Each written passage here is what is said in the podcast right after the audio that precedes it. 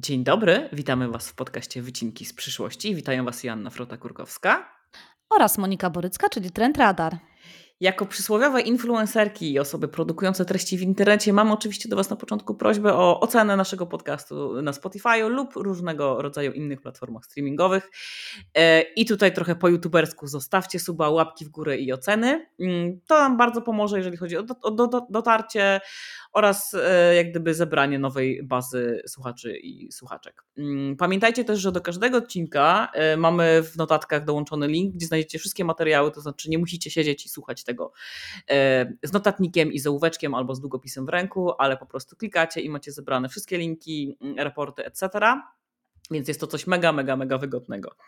Natomiast słuchajcie, zbliżamy się do końcówki, e, końcówki roku i ta końcówka roku z jednej strony zmusza nas do refleksji, ale nas, czyli osoby badawcze i researcherskie, zmusza do tego, aby spędzić e, hektolitry kawy oraz e, niezliczone godziny w monitorach, przyglądając najnowsze raporty, raporty z podsumowaniami oraz trendami. I właśnie z tym tematem dzisiaj do Was przychodzimy. No, y, Frota, super to, super to opowiedziałaś, bo to dokładnie tak wygląda. To znaczy, ja często mam pytania, jak my tak naprawdę pracujemy. No i słuchajcie, to często nie są ekscytujące chwile, jeśli chodzi chociażby o takie kwestie researcherskie, no bo my po prostu scrollujemy, scrollujemy, czytamy, wypisujemy, y, przeglądamy, wyszukujemy, y, co no nie jest może jakąś super ekscytującą robotą, ale ta, ta końcówka roku no jest dla nas takim takim okresem szczególnie gorącym, bo tak jak zresztą e, powiedziałaś, no właśnie, pojawiają się e, raporty, e, podsumowania, trendbooki. To jest taki okres, w którym większość firm badawczych siedzących w obszarze, no właśnie, albo jakiś analitycznym, albo przyszłościowym, wypuszcza tego typu materiały. Często spotykam się z takim pytaniem, Frota, bo w ogóle jestem ciekawa, jak ty z takimi materiałami pracujesz y, w kontekście chociażby umocowania biznesowego. Ja się często spotykam z takimi pytaniami, jak się do tego w ogóle zabrać, tak? Co czytać, jak czytać, y, mm, e, na co się oglądać, jakie wnioski wyciągnąć z przeglądania takich raportów. No i widzę, że to jest y, trudny temat dla takiego przeciętnego czytelnika albo być może osoby, która nie jest do końca wkręcona w tematykę badawczą. Ja to e, zawsze się śmieję, że to jest trochę tak, że każdy, każdy badacz, każdy researcher, każdy analityk, każdy strateg ma swoje tak zwane y, mocne metody na to. Czyli y, każdy ma swoją wypracowaną, swoją też strategię, jak się do tego zabierać. Y, u mnie to jest trochę tak, że mm, zależy jak do tego podchodzę. To znaczy, albo, albo tak się zazwyczaj dzieje u mnie, że ja patrzę z perspektywy firmy, mm, firmy, do której pracuję, i tutaj sobie siadam z takim mindsetem, pracownik, osoby pracowniczej w tej firmie, pracownika, który tam jak gdyby pracuje, pracuje w, e, w marketplace, e-commerce, etc. Więc tutaj patrzę, co, jak firma może na tym skorzystać, co ja mogę sobie z tego raporciku wyjąć, e, żeby było to mm, korzystne dla firmy. Oczywiście tutaj bardzo mocno upraszczam i to jest jeden taki model mentalny, natomiast drugi to jest e, ten e, trochę bycia, e, bycia frociakiem, czyli bycia osobą totalnie zanurzoną w, w digitalu, e, z taką żyłką do kultury cyfrowej, entertainmentu, rozrywki, e-commerce i tak dalej. I patrzę sobie na wszelkiego rodzaju zjawiska.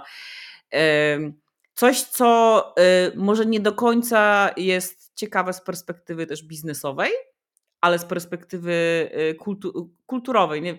Może to być na przykład, y, nie wiem, wybór koloru roku, nie? albo jakieś y, trendy, aplikacje, coś, co mm, ma, jest, jest być może w niszy, ale będzie miało no, moim zdaniem za parę lat, czy nawet w przyszłym roku e, jakiś impact stricte kulturowo, też biznesowy. Czyli trochę, trochę już takie szersze podejście. Myślę, że najważniejsze jest to, mm, jak jak do tego siadamy, z jakim nastawieniem, jakie mamy cele do danego raportu albo w ogóle do tej bazy, bazy raportowej, z którą pracujemy.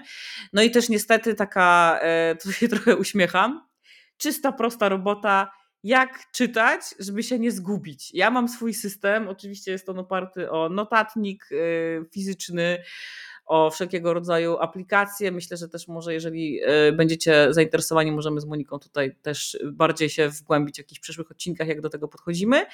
Mm, natomiast trochę też zbudowanie takiego toolboxa, z którym pracujemy y, i też y, bardzo dużo poleganie na własnym mózgu. Ja się tutaj mogę trochę, może to brzmieć śmiesznie, ale myślę, że to poleganie na tej swojej głowie, e, że jednak e, nie tylko korzystamy z jakichś notatek rozproszonych, tych wszystkich takich trendy aplikacji, ale jednak nasz e, mózg układa sobie te puzzle mm, w głowie, do których też potem możemy wracać ja z tego dość, dość mocno korzystam. Oraz też, żeby nie siedzieć, i tutaj też protip dla wszystkich fanów formatu PDF i, fan, i fanek, żeby nie siedzieć e, tysiąc godzin przed monitorem. Ja czasem sobie te PDF-y ładuję na tablet e, do takiego programu e, GoodNotes gdzie ręcznie, i to jest w ogóle super opcja, ręcznie sobie zapisuję różnego rodzaju adnotacje na marginesach, do których też mogę potem wrócić. No super ja, sprawa, mega polecam. Ja polecam po prostu czasami wydrukowanie, słuchajcie, że po, po, po, posłużę się tu taką archaiczną technologią i odcięcie się od ekranu i przeanalizowanie tego też na papierze.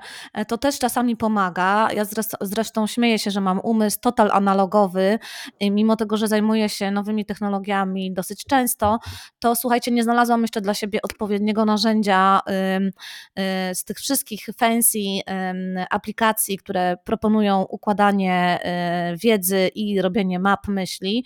Y, ja korzystam z bardzo starych metod, to, to znaczy czytam ogromne ilości rzeczy i potem, tak jak wspomniałaś Frota o tym, puzzlowo mi się to układa, więc często zdarza się tak, że po prostu mam pootwieranych setki okien podczas pracy w przeglądarce i często y, ciężko mi wytłumaczyć, jak to się dzieje, że jestem w stanie z dokładnością do y, numeru karty y, wygrzebać jakąś informację, którą przeczytałam. Stąd też, no, też pamiętasz, miałyśmy kiedyś taką rozmowę o narzędziach i no, ja jeszcze nie znalazłam. Jeśli ktoś z Was ma narzędzie, które działa dokładnie tak jak ludzki mózg, to ja bardzo chętnie przyjmę. Trochę teraz zaczęłam, że tak powiem, tych AI-owych asystentów testować, no i zobaczymy, co z tego wyjdzie, jeszcze trochę za wcześnie na wnioski, ale rzeczywiście możemy kiedyś Frota na ten temat odcinek nagrać.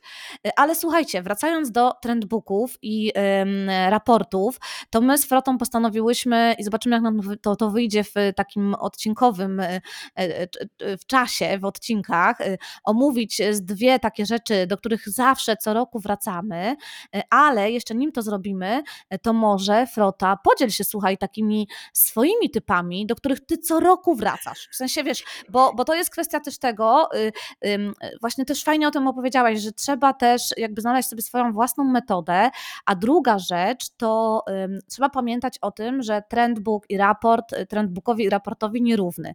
To znaczy one często opisują kompletnie inny moment pracy z trendami, bo mamy y, raporty, które opierają się na przykład na ogromnej ilości e, zebranych benchmarków, tak, na przykład, nie wiem, takim klasykiem to jest, są na przykład raporty Trend Huntera, e, który po prostu benchmarkuje rynek i e, wyszukuje różne ciekawe produkty i usługi i potem pięknie to zbiera w jakieś takie wstępne już nitki trendowe, a z drugiej strony no mamy na przykład już tak wyspecjalizowane albo już tak powiedziałabym poziom wyżej raporty, jak raporty mm, WGSN Future Consumer, tak, gdzie tak naprawdę z całej ilości już trendów, y, zachowań konsumenckich, prototypowania tych zachowań, buduje się sylwetki przyszłego konsumenta. Aktualnie to jest wydanie na 2025 rok.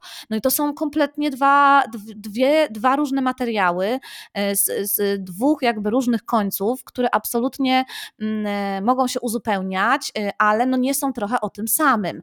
Więc też y, pamiętajcie o tym, że jak sięgacie po jakiś materiał, to żeby też zastanowić się, co tak naprawdę macie przed oczami? Czy to jest tylko zbiór benchmarków, y, jakichś takich ciekawych, y, mm, ciekawych faktów, które wydarzyły się w trakcie roku i o, które, o których y, opowiada się z tej perspektywy, analizując je i jakby wyciąga się predykcje na kolejny na przykład rok, czy to są już właśnie zebrane albo uformowane duże trendy, które mają no taki powiedziałabym parasolowy wpływ, jak na przykład raport Accenture, który no, to jest jeden z raportów, do którego ja co roku wracam e, i który na przykład przedstawia cztery albo pięć trendów, ale one są absolutnie przemyślane, one jakby parasolowo pokrywają bardzo duży, e, dużo obszarów, e, są bardziej o trendach społecznych niż o trendach konkretnej branży, więc rzeczywiście warto się czasami zastanowić, no, który wycinek tej całej trendowej historii mamy przed sobą.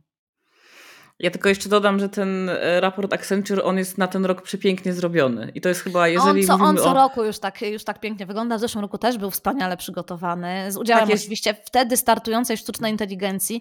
E, oni jako chyba jeden z pierwszych e, raportów właśnie z, z wygenerowanymi obrazkami zeszłoroczny. A w tym roku no absolutnie też strzelili się w kolor roku, e, co, co pokazuje, że no mamy jakieś, jakieś konsensusy jednak w tej branży. Ale jak ktoś właśnie szuka takiego e, benchmarku na ładnie, przepięknie zrobiony raport i czytelny do tego, nie? bo czasem to jednak ta sztuka użytkowa, to projektowanie użytkowe różnie, e, różnie tam wygląda, no to ten Accenture to zdecydowanie jest, jest czymś, czymś, co e, w tym roku zapadło, mm, zapadło w pamięć. Ja troszeczkę tutaj jeszcze dodam a propos tych ulub, ulubieńców, to znaczy co, co, co, mm, co ja śledzę i Numer jeden to nie będzie żadne tutaj yy, zaskoczenie, bo jest to oczywiście Activate yy, Outlook, yy, czyli taki, to jest kobyła, to jest generalnie potop w wersji raportowej, gdzie już właśnie się z Moniką przed programem śmiałyśmy, że każda, każdy dział mm, mógł być osobnym raportem. On jest, on jest klocem, który moim zdaniem, jeżeli pracuje się w technologiach z technologiami, to jest po prostu taka lektura obowiązkowa. Natomiast dwie kolejne pozycje mogą zaskoczyć, to nie są do, do, do końca raporty. Mm. Natomiast to są dwie mm, publikacje blogowo-podcastowe, czasem wypuszczające też jakieś, jakiegoś rodzaju podsumowania. Mm, I pierwsza to jest wszystko to, co jest związane z, z grupą badawczą, researcherską NAVIC, a druga to jest grupa Deconstruction of Fun. Jak Państwo się domyślają po nazwach, są to e, skupione grupy na rozrywce, e, na, oczywiście na, na, na, na grach. Natomiast co jest tutaj ciekawe i dlaczego ja to śledzę od lat, bo bardzo mi się podoba ich e, stosunek do branży rozrywkowej, branży, branży gier w sumie. E, tak jak e, bardzo duży backslash był w ostatnich dwóch latach na, na Web3 i tam wszyscy w ogóle mówili, że to jest straszne, te metaversa też dziwne i, itp. itp. Oni mają bardzo zdrowe podejście, e, takiego mm, trochę obserwatora z boku, patrzącego na zasadzie, o to nie jest straszne, to jest ciekawe. Oczywiście, jeżeli tam sobie słuchamy podcastu mm, i tak, i tak dalej, to czasem są te takie wbicia szpileczek, natomiast to, jest, e, to są dwie grupy, których, e, które ja zawsze polecam, jak przysłowiowy amen w pacierzu, to musi, to musi być. Oni zahaczają o mobile gaming, marketplace'y growe, wszystko, co związane jest na przykład z creator economy, o której też pewnie będziemy niebawem, rozmawiać, więc takie mm, takie bardzo fajne, takie overview na właśnie rynek, rynek growy. No i tutaj jeszcze taki honorable mention, to będzie wszystko, co wypuszcza Data AI, E, czyli, e, czyli to kiedyś to się nazywało App Any i oni się skupiają na rynku mobile. Nie? Rynek mobile jest bardzo dobrze z, e, z, jak gdyby zmonitorowany, zanalizowany E, I tutaj, jeżeli ktoś jest fanem, fanką e, wszelkiego rodzaju, nie wiem, zachowania użytkownika, e, state of market, ilości ściągnięć, jakieś korelacje, to, są, to jest też źródło, mm, które, które bardzo polecam. Nie? Tych źródeł, tak jak Monika powiedziałaś, przecież jest, jest, jest multum, więc my myślę, że i, i tak w ciągu roku, w ciągu przyszłego roku będziemy pewnie się odwoływać, bo w styczniu coś jeszcze pewnie wyjdzie, na pewno coś się pojawi w czerwcu, ktoś wypuści coś w maju, etc., etc., więc y, koniec roku to jest taki najbardziej gorący okres, ale nie można zapominać jak gdyby o całości roku, gdzie te rzeczy naszym zdaniem trzeba po prostu śledzić. E, słuchaj, e, tak w ogóle patrzę na czas i myślę sobie, że e, my to chyba pierwszy odcinek miałyśmy już właśnie omawiać dzisiaj Activate'a, ale to chyba sobie zostawimy na, na, na kolejny odcineczek, słuchajcie, drodzy słuchacze, bo już widzę, że z samego już dzielenia się chociażby polecajkami robi nam się sążnisty odcinek. To może teraz ja wspomnę trochę o, o tych takich moich inspiracjach i rzeczach, do których zawsze, zawsze słuchajcie, sięgam. One są bardzo różne, bo właśnie nie skupiam skupia, nie wchodzą w, w głąb jakiejś branży. Tu widzicie podejście Froty, które absolutnie jest zrozumiałe w kontekście na przykład pracy w jakiejś konkretnej działce i to Wam też polecam, żeby znaleźć sobie takie, yy, takie firmy badawcze, albo takie raporty, albo takie źródła, które są bardzo mocno umocowane już w, w, w Waszych branżach i wtedy rzeczywiście można z tego wyciągnąć ogromną ilość inspiracji. Ja natomiast co roku staram się spoglądać dosyć szeroko, chociaż y, raport, który wymieniła y, Frota, no jest jednym z też moich top one, mm, bo po prostu no to, to jest naprawdę świetna robota badawcza. I chociaż jest to raport poświęcony rynkowi amerykańskiemu mm, w dużej mierze, to myślę, że on jest absolutnie bardzo dobrym benchmarkiem na naszą szerokość geograficzną i szczerze nigdy mnie nie zawiódł w kontekście poszukiwania jakichś informacji e, o tym, gdzie poszczególne gałęzie technologiczne dzisiaj zmierzają, więc jak najbardziej Activate jest zawsze przeze mnie czytany e, w końcówce roku. E, o raporcie Accenture już wspominałam, to też jest taki, taki materiał, do którego ja co roku bardzo chętnie wracam, ale powiem jeszcze może o dwóch rzeczach, które nie są, albo nawet o trzech, które nie są aż tak super oczywiste. Pierwszy z nich to jest bardzo e, e, dobrze przygotowany z udziałem agencji McKinsey e, raport Business of Fashion.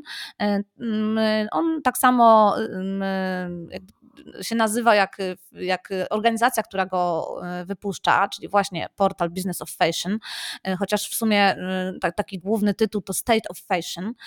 Dlaczego ja do niego sięgam, chociaż totalnie nie jestem specjalistą z branży mody, to myślę, że wyjaśnia nasz poprzedni odcinek, tak, w którym dosyć sporo opowiadałyśmy o tym, jak wygląda dzisiaj cyfrowa moda, dokąd zmierza digital i, i moda jakby razem razem. Y, no i to jest taki raport, który y, pokazuje z jednej strony system mody i to, co się w nim dzieje, ale z drugiej strony jest bardzo dobrym materiałem spoglądającym w przyszłość. Oni y, pokazują ten zmiany w zachowaniach konsumentów, ale pokazują też system mody bardzo szeroko w kontekście tego, Y, jakie elementy z innych branż i z innych dziedzin mają na niego wpływ. Oczywiście jednym z, z tematów największych w, w tegorocznym wydaniu jest również rozdział poświęcony generatywnej sztucznej inteligencji. Y, drugi, mega interesujący, na temat którego dosyć dużo pytań zawsze dostaję, y, to jest analiza fast fashion, a właściwie już ultra fast fashion, czyli wszystkich um, um, kwestii, które dzieją się wokół marek, e, których może nie będziemy tutaj wymieniać, e, ale dużych e, chińskich marek, które podbijają rynek mody i nikt de facto nie wie, dlaczego w czasach no, kryzysu klimatycznego takie osiągnięcia tych marek się pojawiają. Więc bardzo mocno Wam polecam. Drugi, słuchajcie, już bardziej zbliżając się do takiego świata technologicznego, to jest taki raporcik, bo nawet bym chyba nie powiedziała, słuchaj, raport y, mm, organizacji We Are Social, która co roku wypuszcza taki, takie swoje podsumowanie głównych nurtów y, pod y, flagowym hasłem Think Forward. I to jest, słuchajcie, raport, który bardzo mocno skupia się na kulturze digitalowej, cyfrowej, na netkulturze, który świetnie wyłapuje y, takie, powiedziałabym, kiełkujące mm, nastroje w kontekście naszego wykorzystania social mediów, ale w ogóle naszego y, funkcjonowania kulturze internetowej. Y, no i bardzo, myślę, mocno przydatny dla wszystkich osób, które zawodowo zajmują się chociażby marketingiem. Duży fokus na wszystkie kwestie związane z, z mediami społecznościowymi, szczególnie na przykład TikTokiem, którego może nie do końca rozumiemy, i nie znajdziecie tam liczb albo takich jasnych y, wytycznych, y, że na przykład y, predykcje dla TikToka, jeśli chodzi o, nie wiem, liczbę użytkowników, zaangażowanie są takie, ale znajdziecie tam duże klastry trendowe, które pokazują no właśnie te nastroje wśród użytkowników, co grzeje, co jest w takich niszach trochę w kontrkulturach, kontrkulturach, ale które przechodzą właśnie do mainstreamu. Więc też jeden z moich ulubionych raportów Mm, I ostatnia rzecz, o której chciałam Wam powiedzieć, to jest rzecz, którą ja mam jeszcze ze swojego starego życia zawodowego, które w znacznej mierze spędziłam w mediach i dziennikarstwie. I to są dwie rzeczy właśnie w kontekście tego rynku, czyli Nieman Journalism Lab Prediction, który jest takim nawet nie raportem, ale kilkudziesięcioma wypowiedzi, wypowiedziami ekspertów z branży medialnej, właśnie na to, jak oni widzą kolejny rok w tej no, dość trudnej, że tak powiem, dziedzinie dzisiaj, dziedzinie, która jest no, narażona na duże dysrapcje mm, i jakby odzwierciedla też no, chociażby stan społeczny, tak, jeśli mówimy o polaryzacji y, albo tym, y, skąd my dziś czerpiemy informacje, w jaki sposób my dowiadujemy się o tym, y, co dzieje się na świecie.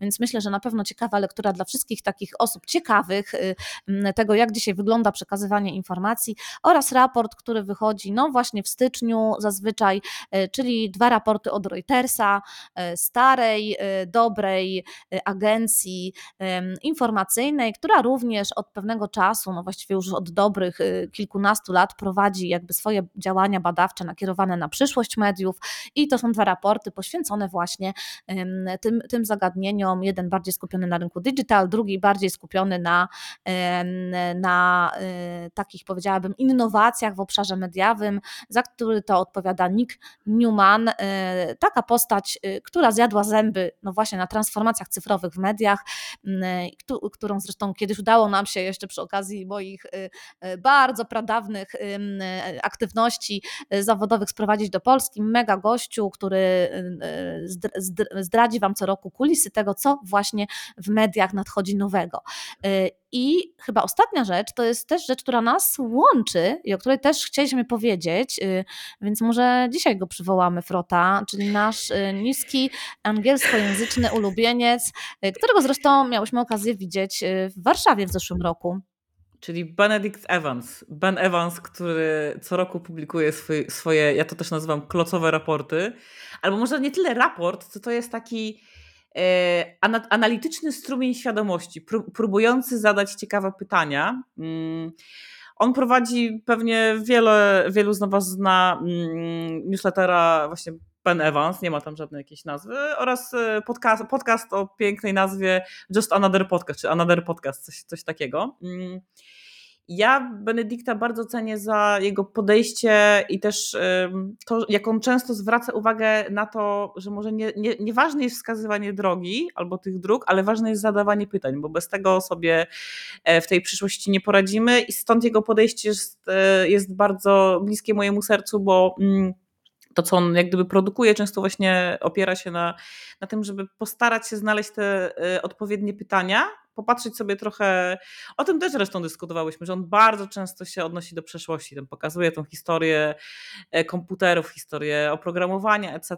I jak gdyby też patrzy, jak to się zmieniało, patrzy mm, na różnego rodzaju możliwości i co roku e, wypuszcza sobie taką e, prezentację. W tym roku ma ona nazwę, tutaj sobie kliknę, AI and Everything Else. No bo co jeszcze można w tym roku jak gdyby powiedzieć oprócz AI, nie? Dokładnie tak. Ja, ja, ja, w ogóle, ta, jego prezentacja była dość zabawna. Ona trwa, ona trwa pół godziny, możecie ją znaleźć na YouTubie. I e, ta, ta prezentacja właśnie 27 y, minut jest wypełniona AI-em i ostatnie trzy poświęcone są innym zjawiskom, które w zeszłym roku się wydarzyły, ale też tak naprawdę zanurzone mocno w sosie AI-owym, więc rzeczywiście nazwa y, tegoroczna y, bardzo mocno oddaje to, na, na czym Iwans chciał się się skupić. Y, słuchaj, ta, y, powiem Ci szczerze, że mnie ta prezentacja y, no, porwała. Znaczy może, mm, może nie bez, z jakąś taką ogromną ekscytacją, ale ja uwielbiam umysły, które um, um, umieją katalogować rzeczywistość wokół nas, ale też umieją ją w jakiś sposób y, mm, sklastrować na takie szersze y, pytania, o których właśnie wspominałaś. No i on tą swoją analizę y, właśnie stanu sztucznej inteligencji i tego, dokąd zmierzamy, mm, przedstawił w takich, w takich tak naprawdę, w takim kluczowym pytaniu, y, ok, mamy tą sztuczną inteligencję, mamy generatywną sztuczną inteligencję, ale co to tak naprawdę jest, tak? Y, I tu postawił takie trzy tezy, y, może je przywołam. Pierwsza teza, o której mówił chyba najwięcej, czyli że to po prostu kolejna, kolejny mm, Y, zwrot platformy, tak? Mamy co 10-15 lat y, taki zwrot platformowy, czyli spoglądając wstecz, no, mieliśmy oczywiście kwestie komputerów, pojawiły się potem smartfony, tak? Albo może inaczej, komputery, internet, smartfony, no i dzisiaj właśnie tą erę postsmartfonową wchodzimy w, w, w, głównej mierze dzięki sztucznej inteligencji, więc być może mamy do czynienia właśnie z nowym e, shiftem w obrębie platformy, e, co rodzi też swoje konsekwencje, może za chwilę Frota też o nich trochę opowiemy. Z drugiej strony ten drugi klaster, który on proponuje, a być może to jest tak naprawdę zmiana w naturze Y, oprogramowania y, i to jest już znacznie większa, y, znacznie większa historia. Oni trochę też mówiłyśmy w odcinku naszym o sztucznej inteligencji, no bo Tutaj Iwans powołuje się na słowa Billa Gatesa, który mówi, że w ciągu 30-40 no, ostatnich lat w swojej, kariery on widział tylko dwa przełomowe momenty e, dotyczące właśnie zmiany natury software'u i pierwszy z nich to było GUI, czyli, mm, czyli pojawienie się no, tego języka wizualnego, tak, dzięki któremu mogliśmy przestać komendować komputery, a zacząć klikać w różne elementy na, na ekranie, no, a, a drugi właśnie, który widzi to jest y, generatywna y, albo w ogóle sztuczna inteligencja. I to jest y, no, już fundamentalna zmiana, która zadziewa się tak między 30 a 40 lat i rodzi też no, kolejne implikacje. No i ostatni, ten najciekawszy klaster, ale któremu Iwans poświęcił, słuchaj, najmniej czasu. Przypominasz sobie? Czekaj, bo próbuję sobie. Bo tak, to jest to bardzo, bardzo dużo mnie za, tutaj zafrapowało no to może ja w tym podsunę. raporcie. To jest oczywiście, y, czy to nas prowadzi do y, tak zwanej Artificial General Intelligence, y, czyli no właśnie superinteligencji, co do której, podsumowując słowa Iwansa, nie wiemy dziś nic. E, I de facto nie, nie wiemy też, czy kierunek zmian, który obserwujemy, e, będzie prowadził nas do pojawienia się sztucznej inteligencji, która nie tylko będzie świetna w paternowaniu e, i w generowaniu treści, ale będzie po prostu myślała jak człowiek. I tutaj no, taki znak zapytania, który Iwans postawił, wrażenie z tej prezentacji, że on nie do końca wierzy, że to się wydarzy, e, ale być może dlatego, że tak jak słusznie podsumował, możecie spędzić weekend na oglądaniu e, naukowców i to już naukowców wysokiej klasy w, w kontekście właśnie sztucznej inteligencji i superinteligencji. E, możecie spędzić cały weekend na oglądaniu ich wypowiedzi i kłótni na YouTubie i w rezultacie i tak nie dowiedzieć się, jaki jest konsensus wśród nich i, i czy oni w ogóle wiedzą, czy, czy powstanie superinteligencji inteligencji jest możliwe. Więc e, to było takie jego pytanie e, na ten rok, e, chyba z największą wątpliwością, która tam się pojawiła. Ale zapytam Ciebie, co właśnie Ty wyciągnęłaś z, z tej, tej prezentacji? Ja tutaj się przyznam, że właśnie prezentacji jeszcze nie oglądałam, w sensie oglądałam slajdy, ale nie oglądałam jego prezentacji ze Slasha, więc trochę mam, zupełnie, czyli trochę zupełnie mam inne odczucia. Y, ja się skupiłam jako osoba właśnie nie, nie mająca tego Benedicta przed oczami na samej końcówce i ona do mnie na ten moment najbardziej dotarła, to znaczy te wszystkie slajdy związane z z tym, że ponad połowa związków w Stanach są, to są już związki, które się zrodziły w internecie, e, w sieci. To jest e, bardzo, bardzo ciekawe. E, tutaj on podaje mm, USA Heterosexual Couples Who Met Online. E, to jest ciekawe, ale o tym też mówiłyśmy, nie? E, przeniesienie w ogóle tej, tej sfery też uczuciowej z jednej strony na drugą osobę, a też w przyszłości e, znowu się pewnie pojawi wątek AI i te wszystkie wirtualne dziewczyny i tak dalej. To jest coś, co mnie zaintrygowało i też troszeczkę tak no, zmusiło do jakichś przemyśleń całe te wszystkie slajdy związane z, z nowymi mm, markami fast fashion, tak? I tutaj ja też e, nazw nie będę wymieniać, e, ale pokazanie skali od 2010 roku do teraz z wymienieniem tych marek e, pod względem tam global, global retail revenue, no to przyznam się szczerze, że jeżeli ktoś pokaże to w takiej, w takim, w takiej formie, daje to bardzo mocno do myślenia. Daje Podobała mi się też ta narracja związana z pokazaniem jednej marki w porównaniu do drugiej. I że to prawdopodobnie też nie jest koniec, tak? Że te marki się będą pojawiać, to, model to może, chiński to... będzie nas atakował. A Dokładnie. ja jeszcze dodam, dodam jedną, jedną rzecz, y, która myślę, że, że ciekawie współgra z tym, o czym, o czym ty mówiłaś, nie? Trochę ten bias, bo jeżeli ja patrzę na przykład na wszelkiego rodzaju raporty z WGSN-a, y, gdzie jest ten y, climate change shift, nie? że te dzieciaki w ogóle zetki, alfy bardzo się tym przejmują i tak dalej, i tak dalej. Jest ten taki cały shift związany z walką z globalnym ociepleniem, ze zmianą klimatu, z kolapsem biosfery, jak to też niektórzy nazywają. Ale ten fast fashion, ultra fast fashion, bo to już mówimy o ultra fast fashion, e, rośnie w siłę. Jest to coś, co, nad czym trudno się nie zastanowić, prawda? No, a tutaj wchodzą kolejne e, branże, bo to już nie tylko dotyczyć będzie branży mody, ale również chociażby produktów do domu, tak? E, tak. no, e, marketplace chińskie atakują, słuchajcie, i to też kończy tą, tą prezentację, co też może postawić takie pytanie związane z, z przyszłoroczną naszą przyszłością w tym kontekście właśnie komersu, e-commerce'u, ale też roli TikToka, bo tego też nie poruszyłyśmy w ogóle w tym, raport, w, w tym naszym odcinku, ale jeśli spojrzycie sobie na mm, właściwie na całą plejadę raportów poświęconych social media, jeden z takich też moich ulubionych social media trends od yy,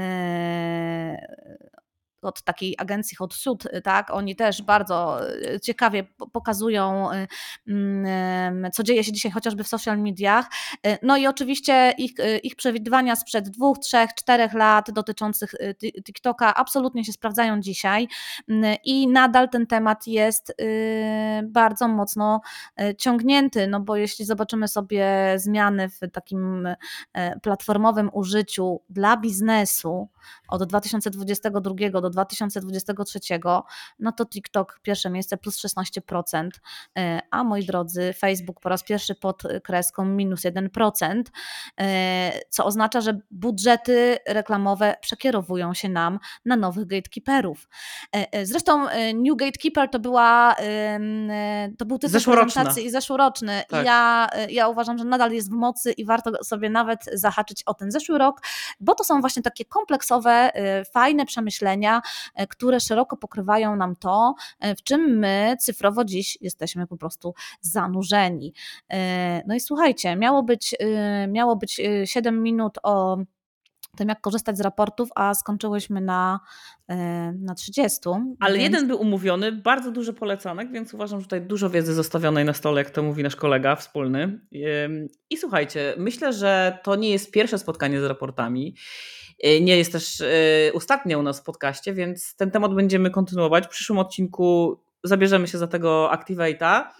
Ja na przykład powiem, jaki jest mój ulubiony w ogóle slajd, y, ulubiony slajd z każdego, z jak gdyby z całego raportu i w ogóle z całej jak gdyby bazy raportowej. On właśnie znajduje się w raporcie Activate'a, więc tutaj zostawię, że tak powiem, osoby słuchające z troszeczkę z taką nutką tajemnicy. Mm, no ale Dziękujemy. też zachęcisz, zachęcisz do słuchania nas Oczywiście, że tak. w przyszłym odcinku. E, specjalnie nagrywamy się tak, żebyście akurat mieli okazję w przerwie świątecznej, w przerwie noworocznej e, nadrobić e, swoją, swoją wiedzę, zupdate'ować właśnie o, o to, co na 2024 zapowiadają różne agencje i specjaliści, eksperci w świecie technologii. Dziękujemy za słuchanie. Pamiętajcie o ocenach, e, zostawcie suby i wszelkiego rodzaju innego, e, że tak powiem, prezenty w internecie. Odzywajcie się do nas na naszych platformach. E, jesteśmy aktywne na Instagramie. Ja też ukochałam sobie LinkedIna. Mm, I pamiętajcie, że w notatkach znajdziecie link do każdego z wymienionych raportów, więc nie będziecie musieli, że tak powiem, oddawać się w odmęty wujka Google'a. A my życzymy Wam miłego słuchania i zdobywania wiedzy. Do zobaczenia. Do usłyszenia